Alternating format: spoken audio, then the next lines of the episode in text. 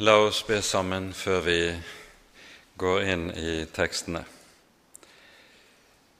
Kjære Herre, du hellige og trofaste Gud. Til deg kommer vi, på ditt navn kaller vi. Takk, Hellige Herre, at du har lovet at der to og tre er samlet i ditt navn, vil du være midt iblant dem. Og derfor ber vi deg, Herre, Send din Hellige Ånd, slik at vi kan forstå ordet ditt rett, og ordet ditt må få lov til å gjøre den gjerning du hadde tenkt det i våre liv og i våre hjerter. Fri og frels oss, Herre, fra våre egne tanker og våre egne veier, og la oss få kjenne dine veier. Amen.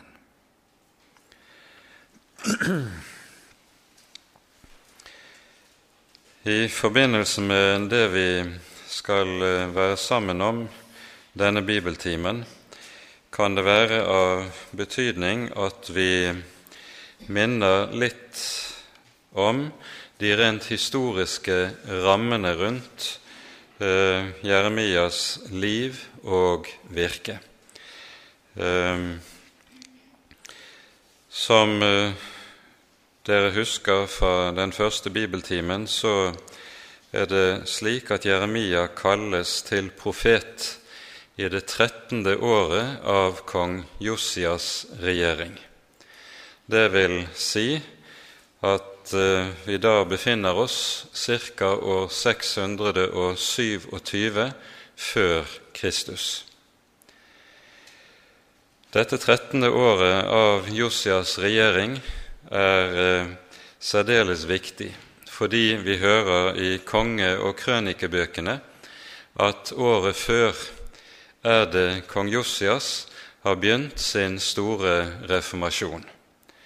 Et reformasjonsverk som eh, er uhyre radikalt når vi ser på de 70 årene som er gått forut 70 år med et frafall og et forfall både i åndelig forstand og moralsk forstand og også i ytre historisk forstand, som er uten sidestykke tidligere i det gammeltestamentlige Israels historie. Under kong Manasseh blir det jødiske folk nærmest omgjort til et hedensk folk hvis du ser på det, den religionspolitikk som Manasseh meget bevisst fører. Han forfølger, søker å utrydde Herrens profeter, og eh, i, til og med i Herrens tempel i Jerusalem setter han opp avgudsalteret og avgudsbilder, mens Herrens alter settes til side. Under Josias eh, reformasjonsverk så er det en begivenhet som kommer til å få en helt spesiell betydning. Og det er at i det 18. året av Josias regjering så hører vi om i 2. Krønikabok 34 hvorledes Herrens lovbok blir funnet. Vi leser slik det er et renovasjonsarbeid, renselsesarbeid, eh, som foregår i tempelet i Jerusalem. Avgudsbildene flyttes ut, forfallet må repareres. Og under dette arbeidet skjer følgende. Vi leser i 2. Krønikabok 34 fra vers 14. Da de nå tok ut de pengene som var kommet inn til Herrens hus, fant presten Hilkia boken med Herrens lov som var gitt ved Moses. Og Det som ordlyden her peker henimot, er at den lovbok, den skriftrull som her finnes, det er antagelig den skriftrull som Moses selv har fått ned på pergament, slik som vi leser om det i avslutningen av Femte Mosebok. Dette tempeleksemplaret av Herrens lov skulle oppbevares i paktens ark, men i forfallstiden under Manasseh så er den kommet bort. Antagelig har ned, dette nedstøvede eksemplar blitt funnet i en krok et eller annet sted i et mørkt kammer. Men Hilkia forstår umiddelbart betydningen av dette funnet. Tar lovboken med seg, og så leses lovboken, det fra lovboken opp for kong Josias. Og dette gjør et dypt, dypt inntrykk på kongen, og gjør at han med fornyet kraft fortsetter reformasjonsverket og utfører det med en konsekvens som også savner sidestykke ellers i kongehistorien i Det gamle testamentet. Men nettopp dette, Herrens ord, blir funnet igjen. I det ligger det noe dypt og viktig symbolsk. Og Derfor har denne teksten kommet til å bli særlig betydningsfull i fornyelsestider i Guds folks liv senere oppover gjennom kirkehistorien. Herrens lov ble gjenfunnet. Samtidig er det da slik at det vi hører skje slik under Josias, det møter sin rake motsetning under, under Josias sønn Jojakim sin regjeringstid. Når vi kommer til Jeremia-bokens 36. kapittel, leser vi følgende. I Judas konge Jojakims, Josias sønns fjerde år, kom dette ord til Jeremia fra Herren. Ta deg en bokrull og skriv i den alle de ordene jeg har talt til deg om Israel og Juda og alle hedningefolkene fra den dagen da jeg først talte til deg, fra Josias dager og til denne dag. Kanskje Judas hus vil merke seg all den ulykke jeg tenker å gjøre mot dem, så de kan vende om, hver fra sin onde vei, og jeg kan tilgi dem deres misgjerning og deres synd. Da kalte Jeremia til seg Baruk, Nerias sønn, og Baruk skrev etter Jeremias diktat alle de ordene som Herren hadde talt til ham i en bokrull.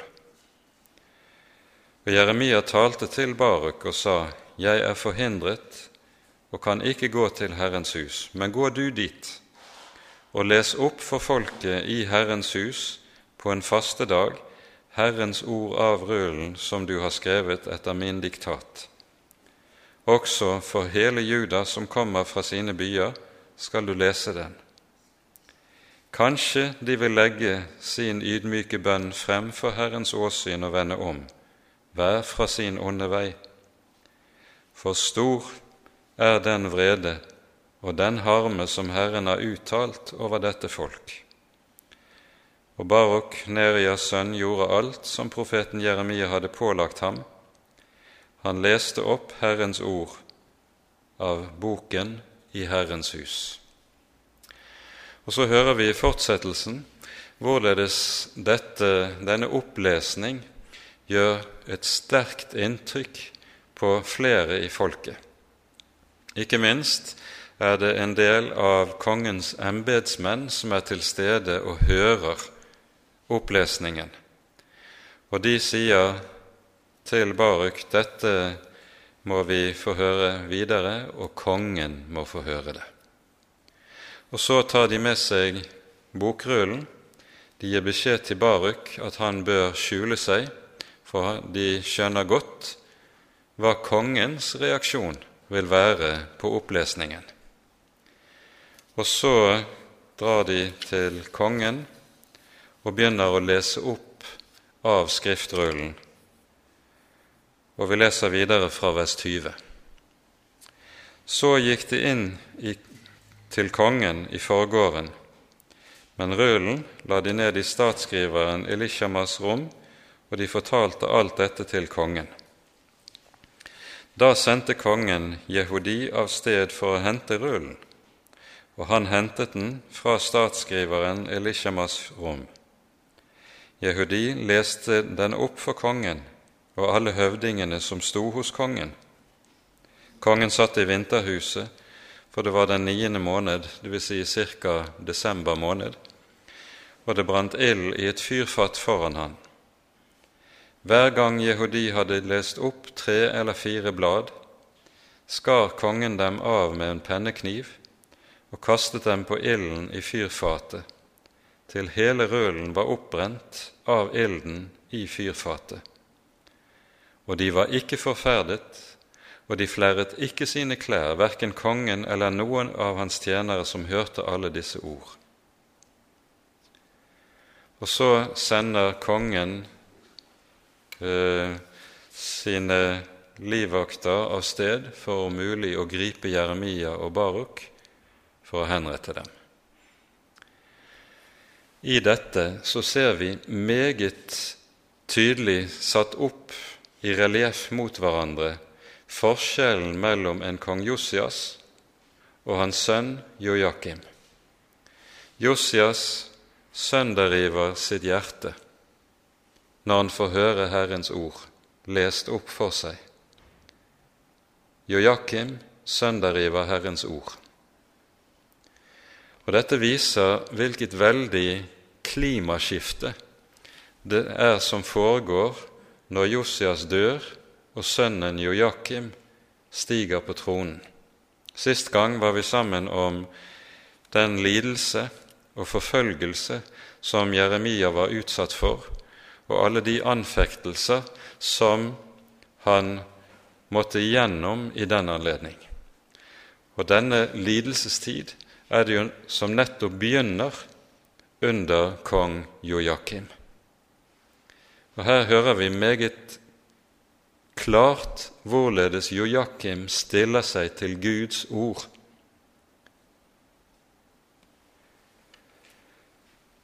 Det som her skjer, det skjer på et bestemt tidspunkt. Vi hører tidsangivelsen. Det er det fjerde år i Jojakims regjering vil si i år 605. Dette er et helt avgjørende år i denne perioden i Israels historie. For det er i år 605 før Kristus at Nebukadnesar endelig beseirer asyrerne og egypterne, og Babylon er blitt den enerådende verdensmakten. Fra år 605 er det at Jerusalem, Juda, Israel blir lydrike under babylonerne. De har bare en relativ selvstendighet, men må svare skatt til babylonerne og er undergitt den babylonske herskerens velde.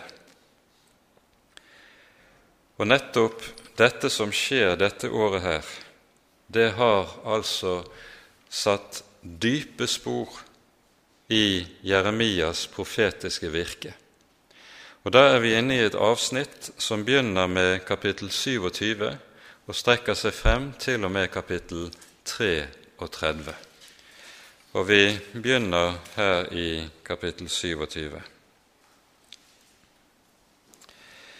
I kapittel 27 er det nemlig slik at Jeremia får befaling fra Herren om å gjøre en symbolsk handling. Det er ikke veldig mange profetiske symbolhandlinger vi leser om i Jeremia-boken. Her er en av de. Han skal lage seg et åk, altså et slikt som legges på oksene når de skal pløye og dette åket skal han bære som et tegn. Og vi hører Vi leser fra vers 1 i det 27. kapittel. I begynnelsen av Judas konge Sidkia, Josias sønns regjering, kom dette ordet til Jeremia fra Herren. Så sa Herren til meg, Lag deg bånd og åk og legg dem på nakken din. Så skal du sende dem til Edans konge, til Moabs konge, til Ammons barns konge og til Tyrus konge, til Sidans konge og de sendemenn som kommer til Jerusalem, til Sidkia, Judas konge. Du skal befale dem og si til sine herrer, så sier Herren herskarenes Gud, Israels Gud, jeg har skapt jorden, menneskene og dyrene som er på jorden ved min store kraft og ved min utdrakte arm, og jeg gir den til ham som er den rette i mine øyne. Nå har jeg gitt alle disse land i min tjener Nebukadnesas, Babels konges hånd, og som markens dyr har jeg gitt ham for at de skal tjene ham. Og alle folkeslagene skal tjene ham, og hans sønn og hans sønnesønn, inntil tiden kommer også for hans land. Da skal mange folkeslag og store konger gjøre ham til trell. Og så blir Jeremia gående med dette åket. Hvor lenge vet vi ikke. Men i det 28. kapittel hører vi der opptrer en falsk profet som heter Hananya. Hananya opptrer i det fjerde året av Sidkias regjering. Sidkia er den som etterfølger Jojakim. Og eh, det fjerde året av Sidkias regjering, det vil si år 594 før Kristus. Og det er da slik at eh, Fire år forut for dette så har vi opplevd det første bortføringen til fangenskap i Babylon. Det var jo slik at det var to store bortførelser. Den første av de store bortførelsene var i år 598, da Jojakim dør, og så settes Sidkia inn av Nebukadnesa som lydkonge i Jerusalem. Når denne første inntagelsen skjer i 598, så bortføres hele eliten i det jødiske folk i Jerusalem og i Juda. De bortføres som fanger til Babel. Og nå er det at Hananya opptrer og sier om to år skal det være slutt på Babels konges makt. Da skal folket de bortførte i Babylon få komme tilbake. Gullkarene, de hellige karene som var røvet fra Herrens hus, skal også føres tilbake. Og som tegn på at Hananya mener han taler på Guds vegne og på Guds påbud, så tar han åket av Jeremias skuldre og bryter det i stykker. Dette leser vi om i det 28. kapittel. Og Jeremia svarer Hananya først og sier, Gid det virkelig var sant. Jeremia elsker sitt folk og ønsker at dette virkelig måtte få skje. Men han har ikke noe, fått noe ord fra Herren enda til å svare Hananya, så han går i første omgang bort, og når han er alene, kommer Herren til ham med et ord.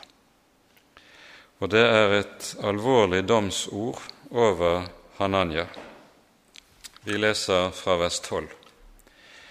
Etter at profeten Hananya hadde brutt i stykker åket, tatt det av profeten Jeremias nakke, kom Herrens ord til Jeremia, og det lød så. Gå og si til Hananya, så sier Herren, et åk av tre har du brutt i stykker men i stedet for det har du laget et åk av jern.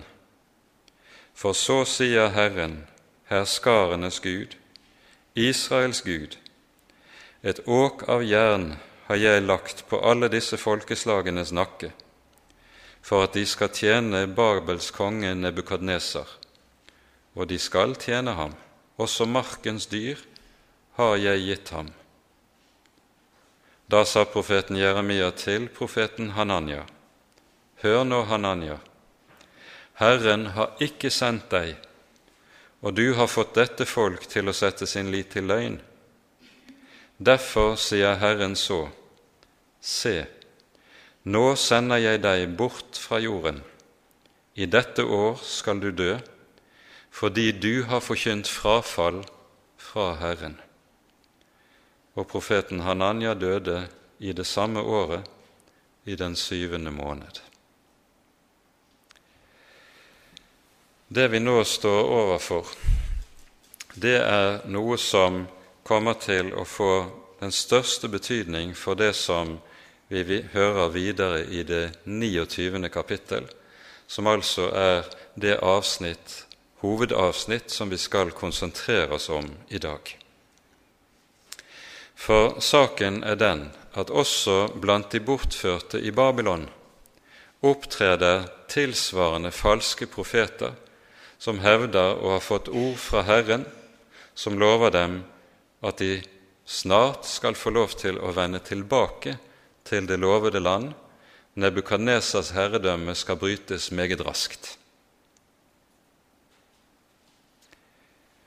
I den anledning skriver profeten Jeremia et brev til de bortførte i Babylon. Og det er dette brevet som er tema i det 29. kapittel. Brevet sendes med offisielle sendebud. Kong Sidkia har, eh, sender sendebud til kong Nebukadnesa fordi Nebukadnesar antagelig har fått høre om at en rekke av småkongedømmene i området ved Middelhavskysten som ønsker å reise opprørsfanen mot Babylon. Og antagelig er det da slik at Sidkia vil forsikre Nebukadnesar om sin lojalitet. Han er ikke med på den slags. Og Derfor sendes det offisielle sendebud. Og med disse sendebudene får Jeremia lov til å legge ved dette brevet som vi her hører i kapittel 29. Og Vi leser nå fra det 29. kapittel fra begynnelsen av. Dette er ordene i brevet som profeten Jeremia sendte fra Jerusalem til dem som var igjen av de eldste blant de bortførte, og til prestene og profetene og hele det folk som Nebukadneser hadde bortført fra Jerusalem til Babel.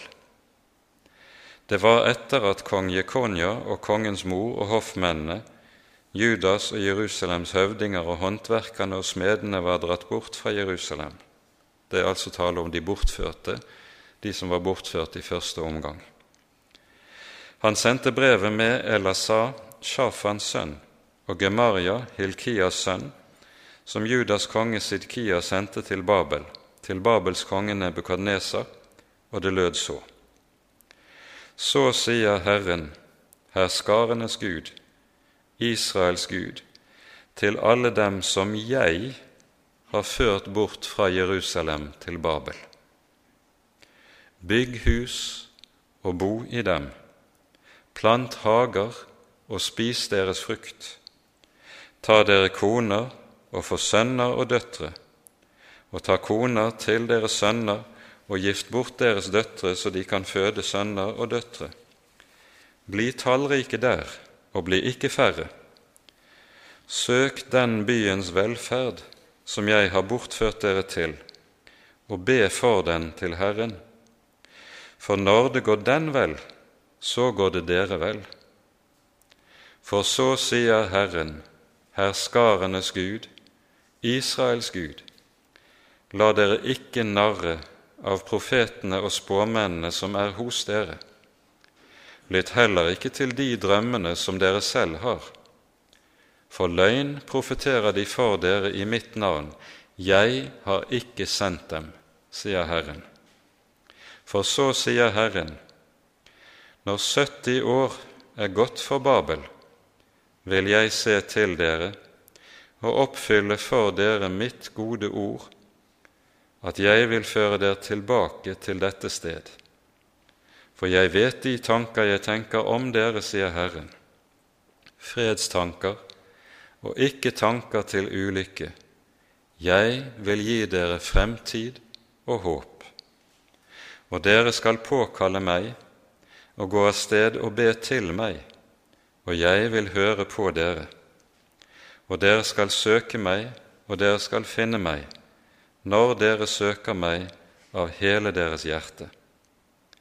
Jeg vil la meg finne av dere, sier Herren. Jeg vil gjøre ende på deres fangenskap og samle dere fra alle de folkene og alle de stedene som jeg har drevet dere bort til, sier Herren. Og jeg vil føre dere tilbake til det sted jeg førte dere bort fra. Vi stanser der foreløpig. Her er det vi altså møter både vers som er meget kjente og yndet å lese.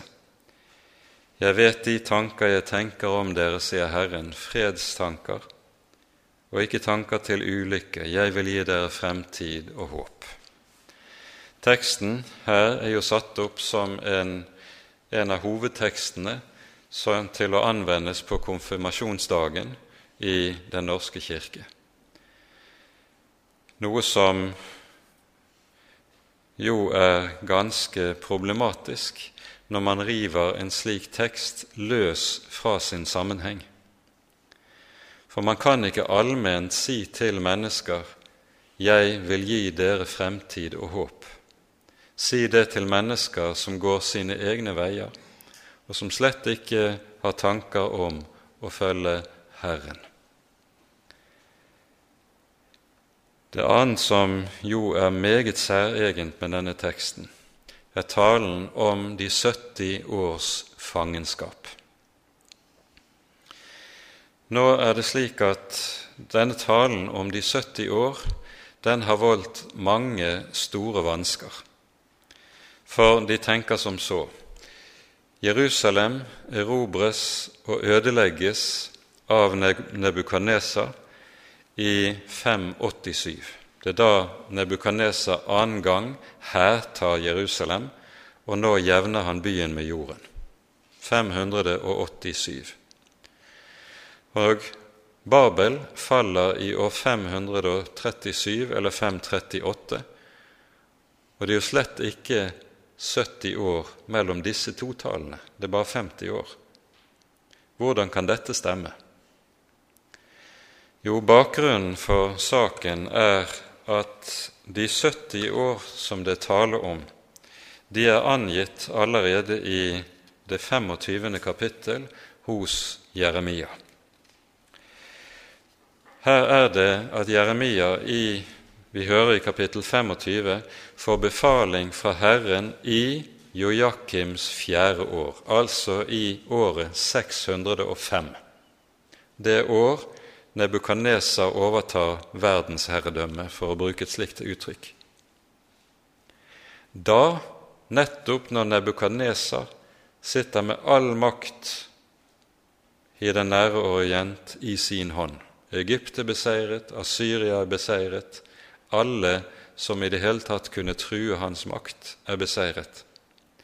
Nettopp da er det at Jeremia får budskap fra Herren som sier 70 år er tilmålt Babel. Da skal jeg igjen sette dere fri. Vi leser fra vers 8. Vi har ikke tid til å lese hele dette avsnittet. Derfor sier Herren herskarens Gud, fordi dere ikke har hørt på mine ord, se, så sender jeg bud og henter alle Nordens folkeslag, sier Herren jeg sender bud til Babels konge Nebukadneser, min tjener, og jeg lar dem komme over dette land og over dets innbyggere, over alle folkeslagene her omkring. Og jeg slår dem med bann og gjør dem til en forferdelse og til en spott, og deres land gjør jeg til evige ørkener. Jeg lar frydsrøst og gledesrøst, brudgomsrøst og brudsrøst, lyd av kvern og lys av lampe bli borte hos dem. Hele dette land skal bli til en ørken, til en ødemark, og disse folkeslag skal tjene Babels konge i 70 år. Det er altså fra år 605 de 70 årene skal regnes. Fra år 605 så kommer vi til Babels fall i 537. To år etter det er det at de jødiske fangene i Babylon får tillatelse av kong Kyros til å vende tilbake til Jerusalem. Så profetien oppfylles helt bokstavelig. Og dette er viktig å være klar over. Så det er ikke noen feil i den bibelske profeti om denne sak. Det Herren altså sier allerede her i år 605, slik vi leste i kapittel 25, det er at det som nå forestår for Jerusalem, er en forferdelig dom ved Nebukadnesas hånd. Men Herren har også satt et mål for denne dom. Dommen har en bestemt tid, så vil dommen få sin ende, og Herren vil sende forløsning. Og denne forløsningen kommer når Babel erobres av perserne. Og da er det perserkongen Kyrios som Kyros, unnskyld, som kommer i spissen og inntar Babylon, og så etter ganske kort tid lar det jødiske folk vende tilbake til Jerusalem og gir tillatelse til gjenreisning av tempelet i Jerusalem. Dette siste hører vi om i eh, slutten av annen krønikebok. Jeg tror vi tar oss tid til å eh, lese noen vers fra andre krønikebok, kapittel 36.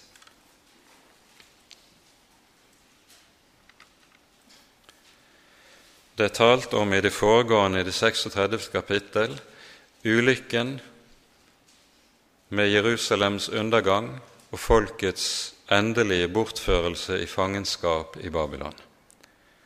Og så gjøres det altså et langt hopp, og fra vers 22 leser vi Ja, vi kan lese fra vers 21, unnskyld. Når det taler om den dommen som rammer Jerusalem, så sies det dette skjedde for at Herrens ord i Jeremias munn skulle bli oppfylt, til landet hadde godtgjort sine sabbatsår. Alle de dager det lå øde, hadde det hvile, til 70 år var til ende. Så skjedde det i perserkongen Kyros første år, for at Herrens ord i Jeremias munn skulle oppfylles. Da vakte Herren slike tanker i perserkongen Kyros ånd at han lot utrope hele sitt rike og dessuten kunngjøre ved en skrivelse. Så sier Kyros, kongen i Persia, Herren, himmelens Gud, har gitt meg alle jordens riker, og han har pålagt meg å bygge et hus for ham i Jerusalem i Juda. Er det noen blant dere som hører til hans folk, må Herren hans Gud være med ham, han kan dra dit. Og så ringer frihetsklokkene, folket kan vende tilbake. Og derfor begynner Esras-boken, som nå følger på krønikeboken, med nettopp å tale om tilbakevendingen til Jerusalem i år 536-535. De 70 år er bokstavelig gått i oppfyllelse. Da Jeremia ble kalt til profet, så lød det meget sterkt til ham følgende:" Jeg vil våke over mitt ord for å fullbyrde det, sier Herren. Og det er nettopp dette vi skje, ser skje her i historien, hvorledes Herren våker over sitt ord for å oppfylle det på historisk vis. Dette kapittel 29 det danner innledningen til avsnittet som så følger i kapittel 30 til 33 i Jeremia-boken. Et avsnitt der det nettopp er tale om den fremtidige forløsning. Og vi forstår, dersom vi leser dette avsnittet i sammenheng, det er i denne fremtidige forløsning også at Messias vil komme. I den periode som forestår når forløsningen renner, når jødene får vende tilbake. Det er den historiske epoke som da kommer. Det er da Messias også skal vise seg. I kapittel 32 hører vi at Jeremia får befaling fra Herren om å gjøre en annen symbolhandling, som likesom pant på at Herrens ord her står fast. Når Jerusalem er omringet av babylonerne, året før byen ble inntatt. Byen var beleiret i to år før Nebukadnesar klarte å bryte inn og beseire den. Så får Jeremia midt under beleiringen befaling av Herren om å kjøpe en åker i hjemtraktene sine ved byen Anatot, og det skal gjøres meget nøye. Det skal skrives skjøte, det skal være vitner på kjøpet, og skjøtet skal oppbevares i en leirkrukke, slik at det ikke går tapt. Og dette kjøpet av en mark, den juridiske ordningen med skjøtepapirer og den slags, det er et pant på at den ødeleggelsen som nå står for døren, den er ikke endelig. På ny skal folket få komme tilbake, på ny skal det erverves land, med tanke på at landet skal dyrkes, og barn skal arve. Og så får altså Jeremia befaling om denne symbolhandling. Vi går ikke inn i dette i detalj. Denne profetien om de 70 år den står på mange måter i en særstilling men den henger meget nær sammen med en rekke andre sentrale tekster i Det gamle testamentet. Og den peker også frem imot Det nye testamentet, som vi skal se. For det første må vi peke på at bakgrunnen for dette som vi her hører hos Jeremia, det finner vi allerede i Femte Mosebok. Det er to avsnitt i Femte Mosebok som taler om den fremtidige bortføring i fangenskap og om en tilbakevending fra fangenskapet når folket vender om. Vi leser fra kapittel 30 i Femte Mosebok. Når alle disse ting kommer over deg, velsignelsen og forbannelsen som jeg har forelagt deg, og du tar det til hjertet ute blant alle de folk som Herren din Gud har drevet deg bort til. Og når du av hele ditt hjerte og hele din sjel vender om til Herren din Gud og hører på Hans røst i alt det som jeg byr deg i dag, både du og dine barn, da skal Herren din Gud gjøre ende på ditt fangenskap og han skal miskunne seg over deg. Han skal igjen samle deg fra alle de folk som Herren din Gud hadde spredd deg iblant. Selv om dere er drevet bort til himmelens ende, så skal Herren din Gud samle deg og hente deg der. Og Herren din Gud skal føre deg til det land dine fedre eide, og du skal ta det i eie. Han skal gjøre vel imot deg og gjøre deg mer tallrik enn dine fedre, og Herren din Gud skal omskjære ditt hjerte og dine etterkommeres hjerte, så du elsker Herren din Gud av hele ditt hjerte og av hele din sjel. Da får du leve. Her er løftet som gis allerede gjennom Moses. Det vi legger merke til når vi leser disse ordene hos Jeremia, det er at det er ett navn Herren nevnes ved, som går igjen på ny og på ny, og det er navnet Herskarenes Gud. Herskarenes Gud. Navnene som Gud nevnes ved i Bibelen, er aldri tilfeldige. Og når Herren nevnes som herskarenes Gud, så er det en benevning som peker på dette, at Han er den som er alle tings herre, enten det er de i himmelen eller de på jorden eller under jorden.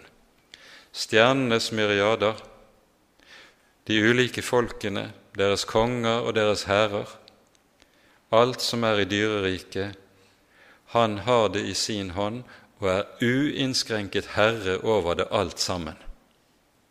Derfor er han også den som fører historien etter sin vilje og med sin hånd, og ingen kan stå ham imot. Dere la merke til at når Jeremia skriver sitt brev til de bortførte i Babel, så sier han ikke til de bortførte at det er Nebukadneser som har ført dem bort til Babel. Nei, han sier det er Herren som har ført dem bort til Babel. Nebukadneser, om han er aldri så mektig, han er kun et redskap i Guds hånd og for Guds vilje, et redskap til å tukte sitt folk.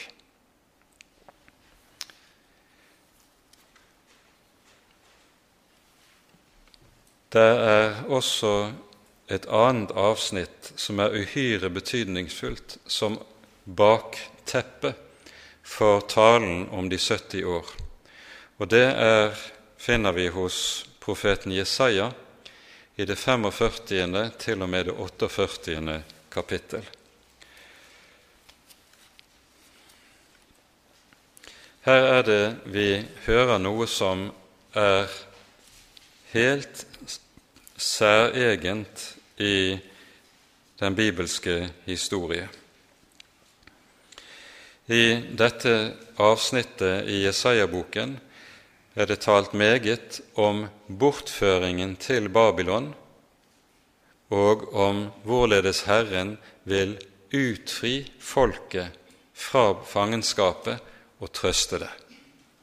Og Når vi så kommer til det 45. kapittel, leser vi følgende Vi må lese det siste verset i kapittel 44 også. Det er jeg som sier om Kyros, han er min hyrde. Han skal fullføre alt som er meg til behag. Han skal si til Jerusalem, du skal bygges opp igjen, og til tempelet, du skal bli grunnlagt.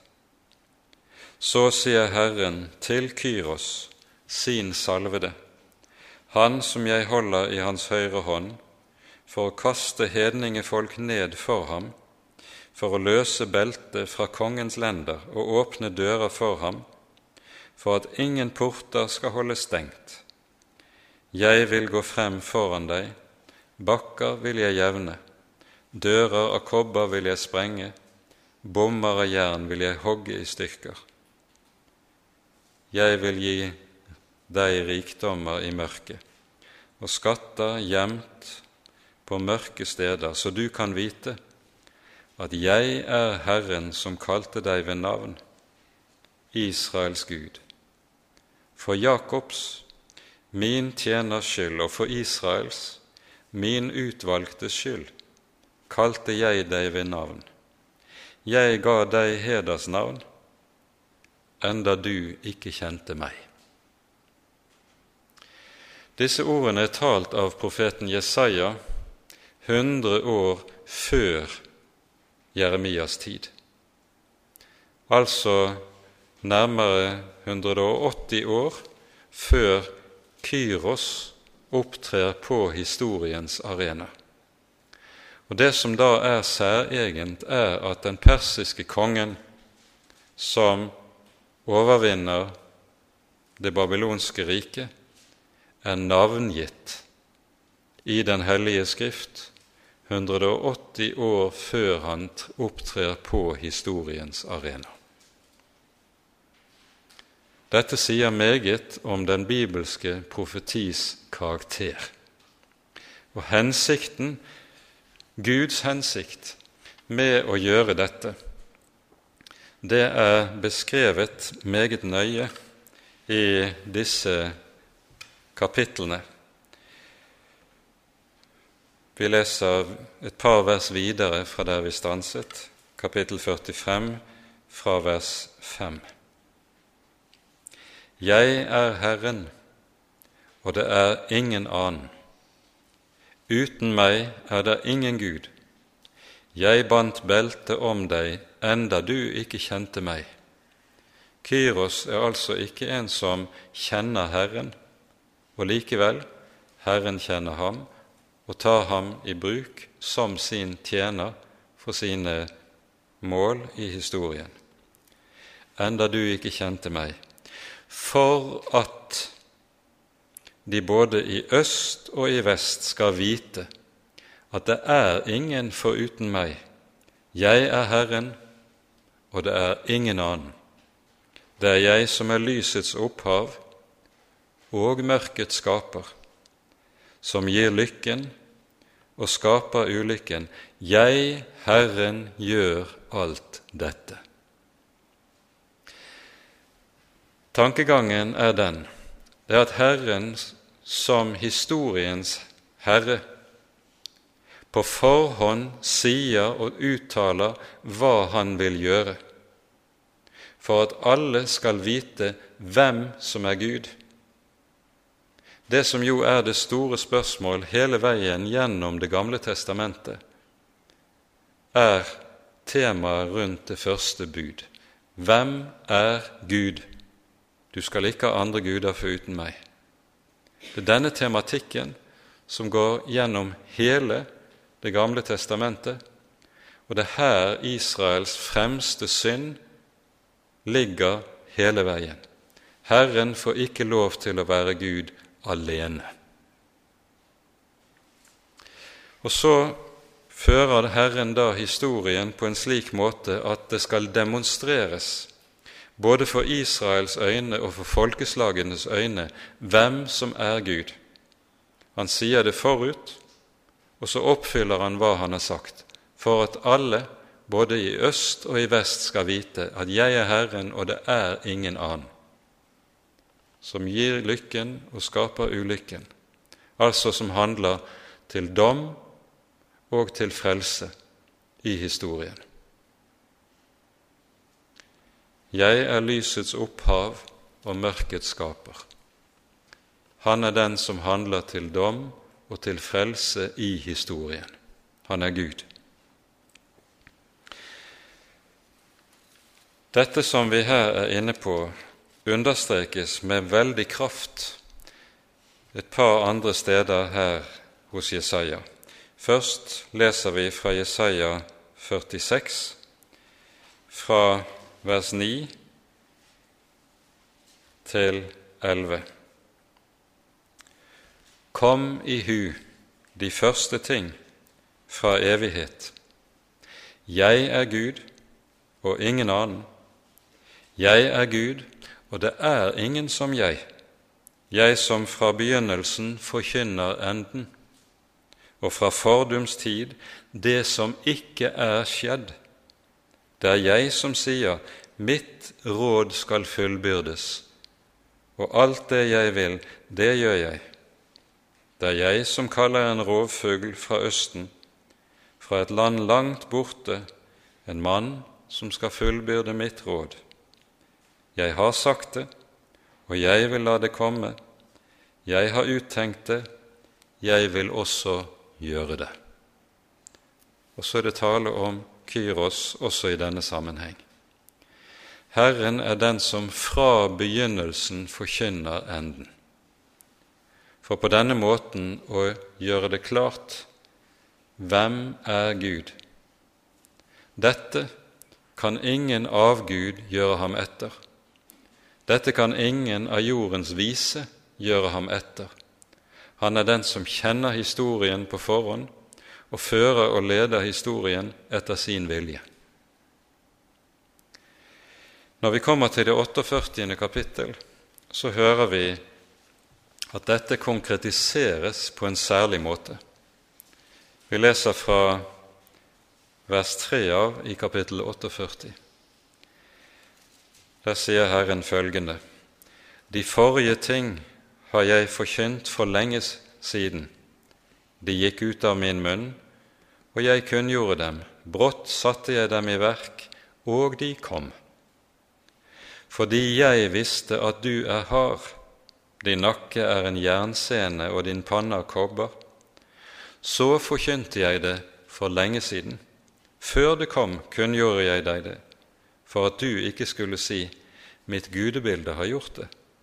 Mitt utskårne bilde og mitt støpte bilde har styrt det slik. Du har hørt det, nå kan du se det, alt sammen. Og dere, må dere ikke bekjenne det? Fra nå av kunngjør jeg noe nytt for deg, skjulte ting som du ikke har visst om. Nå først er det skapt, og ikke for lenge siden. Før i dag hadde du ikke hørt det for at du ikke skulle si det visste jeg. Du har ikke hørt eller fått det å vite, heller ikke er ditt øre for lenge siden blitt åpnet, for jeg visste at du er troløs og er blitt kalt en overtreder fra mors liv av. Hva er poenget med dette? Poenget er at det at Herren på forhånd utsier hva som skal skje,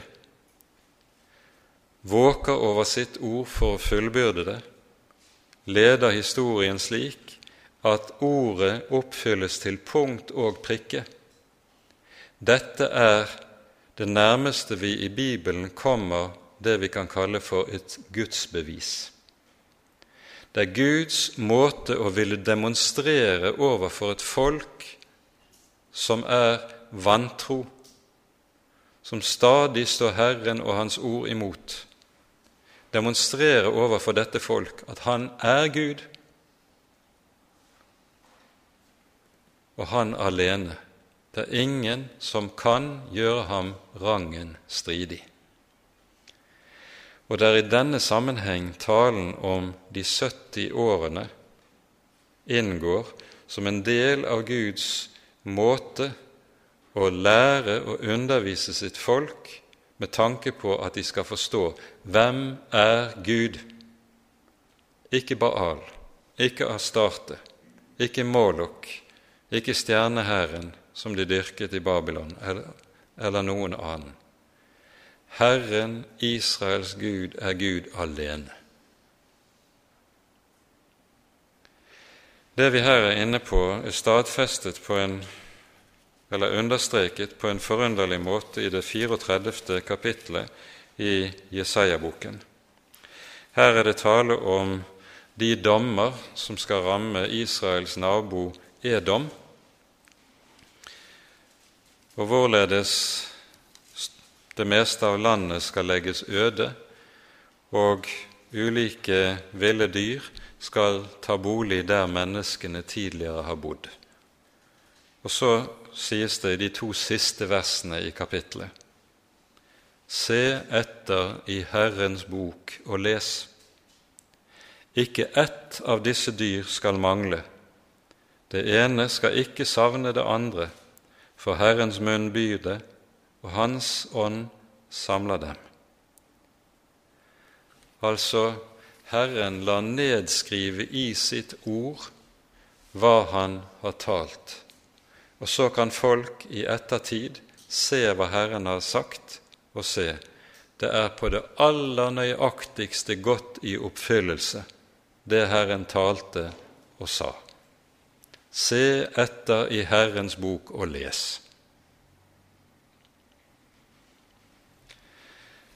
Og Dermed er dette så å si noe av profetiens seil. Herren våker over sitt ord for å fullbyrde det. Det er sagt på forhånd, og Herren sørger for å oppfylle det.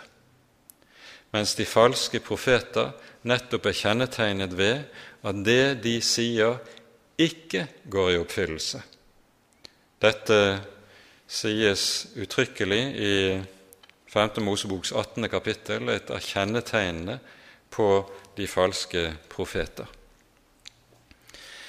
Før vi setter punktum, så må vi peke på et annet avsnitt som også på det nærmeste henger sammen med talen om de 70 år som vi leser i Jeremia 29. Og Da må vi til Daniels bok, det niende kapittelet. Daniel hørte jo med blant de bortførte i Babel, og han kom til å få en høy stilling og en særegen betydning i det babylonske riket, som profet, ikke for det jødiske folk, men for Babels konger. Og om Daniel hører vi i det niende kapittel at han sitter og fordyper seg i Guds ord i Jeremias bok. Og hva er det han leser? I Darius, Ahasverus' sønns første regjeringsår, han som var av medisk ett og var blitt konge over Kaldeariket. I det første året av hans regjering gransket jeg Daniel i bøkene og la merke til tallet på de årene som Herren hadde talt om til profeten Jeremia, at han ville la fulle 70 år gå til ende mens Jerusalem lå i ruiner. Da vendte jeg mitt ansikt til Gud, Herren, for å søke ham med bønn og ydmyke begjæringer og med faste og sekk og aske. Og så hører vi i det følgende Daniels botsbønn. Den dypeste botsbønnen som vi finner i Den hellige Skrift og som så å si utgjør eh, mønsteret og forbildet på det som senere er blitt bønnen i kirkene på bots- og bededag. Daniels botsbønn er en bekjennelse av egen synd og av folkets synd. En bekjennelse under påberopelse av Guds løfter. Du har lovet at når 70 år var til ende, så skulle ditt folk løses fra fangenskapet og få vende tilbake. Det er altså en bønn som viser til Guds ord og løfter, og der Daniel sier nå er tiden kommet, nå må du oppfylle det du har lovet. Og som vi så i slutten av annen krønikabok, begynnelsen av Esras bok, så skjer det jo.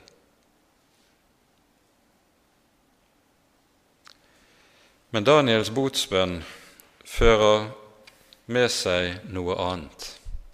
Han får et svar på bønnen som kommer til å kaste lys over hele den fremtidige epoke.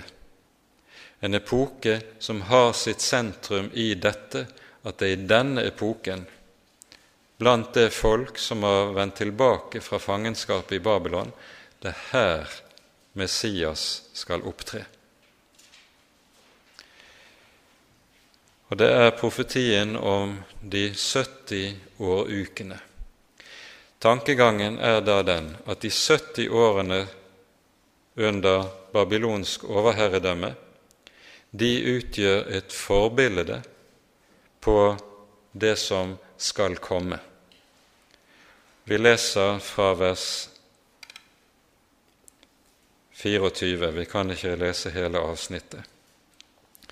Men Herren sender altså sin engel Gabriel med svar til Daniel, og her sies det 70 uker er tilmålt ditt folk og din hellige by, til å innelukke frafallet, til å forsegle synder, til å dekke over misgjerning, og til å føre frem en evig rettferdighet, og til å besegle syn og profet, og til å salve en aller helligste. Og du skal vite og forstå fra den tid ordet går ut om å gjenreise og bygge Jerusalem inntil en salvet, en fyrste, står frem, skal det gå syv uker og 62 uker. Det skal igjen settes i stand og oppbygges med gater og vollgraver, men under tidenes trengsel. Etter de 62 uker skal den salvede utryddes, og intet ha. Byen og helligdommen skal ødelegges av folket til en fyrste som kommer, og slutten på det er oversvømmelse, inntil enden er det krig, ødeleggelse er fast besluttet. Hva er det tale om her? Befalingen om å gjenreise Jerusalem utgår, slik vi hører det om om det hos, i Nehemia-boken under kong Artaserkses Longimanus. Og befalingen utgår, så langt man kan se det, i år 455 før Kristus. 69 år uker. Hva er det? Uken er bilde på en periode på syv år. 69 åruker vil si en periode på 483 år. 483 år fra år 455 før Kristus. Da kommer til, vi til år 28 av vår tidsregning. Det skal gå 69 åruker fra ordet utgår om å gjenreise Jerusalem til en salvet står frem. I år 28 er det Jesus står frem og begynner sin offentlige gjerning som Messias. I år 30 er det han henrettes og lider døden på Golgata. Profetien går på det mest nøyaktige i oppfyllelse. Og så ser vi hvorledes denne Herrens tale om de 70 år hos Jeremia kommer til å bli utgangspunkt og springbrett for en langt mer dyptgående og vidtrekkende profeti, budskapet om den endelige frelse. Og Legg nå merke til hva som sies i vers 24 om denne endelige frelse. Det sies at frafallet det skal dekkes over misgjerning.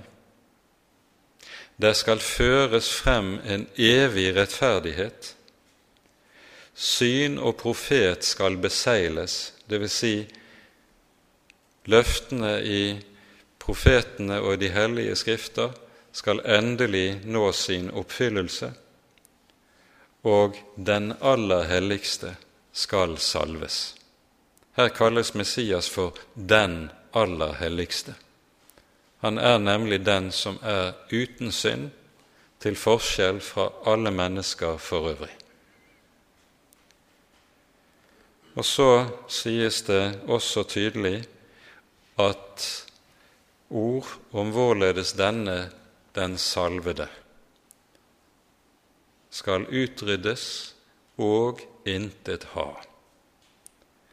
Og følgende av dette er at Jerusalem atter kommer til å ødelegges, tempelet legges i ruiner, ofrene opphører, og krig og ødeleggelse er fast besluttet. Dette er en uhyre betydningsfull profeti, og ordene som her lyder i forbindelse med når det tales om den salvedes død, utryddelse, det, det er slik at disse ord og begreper som her anvendes, det er ord og begreper som er hentet fra Jesaja-bokens 53. kapittel. Og vi forstår at når Jeremia i det 29. kapittel taler om forløsningen fra Babylon, og vi i de påfølgende kapitler får høre nærmere om denne forløsning, så kommer dette til å spille den rolle hos Daniel at forløsningen fra Babel blir forbildet på den enda større forløsning som skal komme ved Messias.